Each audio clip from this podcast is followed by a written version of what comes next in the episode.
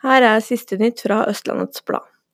Nordre Follo starter med 9,1 milliarder i gjeld. Lederne i kontrollutvalget i både Ski og Oppegård er mildt sagt fortvilet over den økonomiske situasjonen til den nye storkommunen.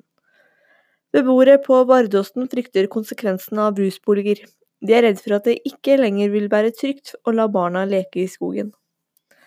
430 underskrifter for ny jernbanebro i Oppegård førte ikke frem. Rådmannen fraråder at kommunen forskutterer pengene. Det vil være lite økonomisk klokt av kommunen, sier rådmann Lars Henrik Bøhler. Etter Øbes sak om dårlig skolemiljø ved en barneskole i Ås i forrige uke, har vi fått henvendelser om dårlig miljø ved andre skoler. Skolesjef Ellen Benestad innrømmer at de har problemer ved to skoler. Siste nytt fra Østlandsblad fikk du av Natalie Christiansen.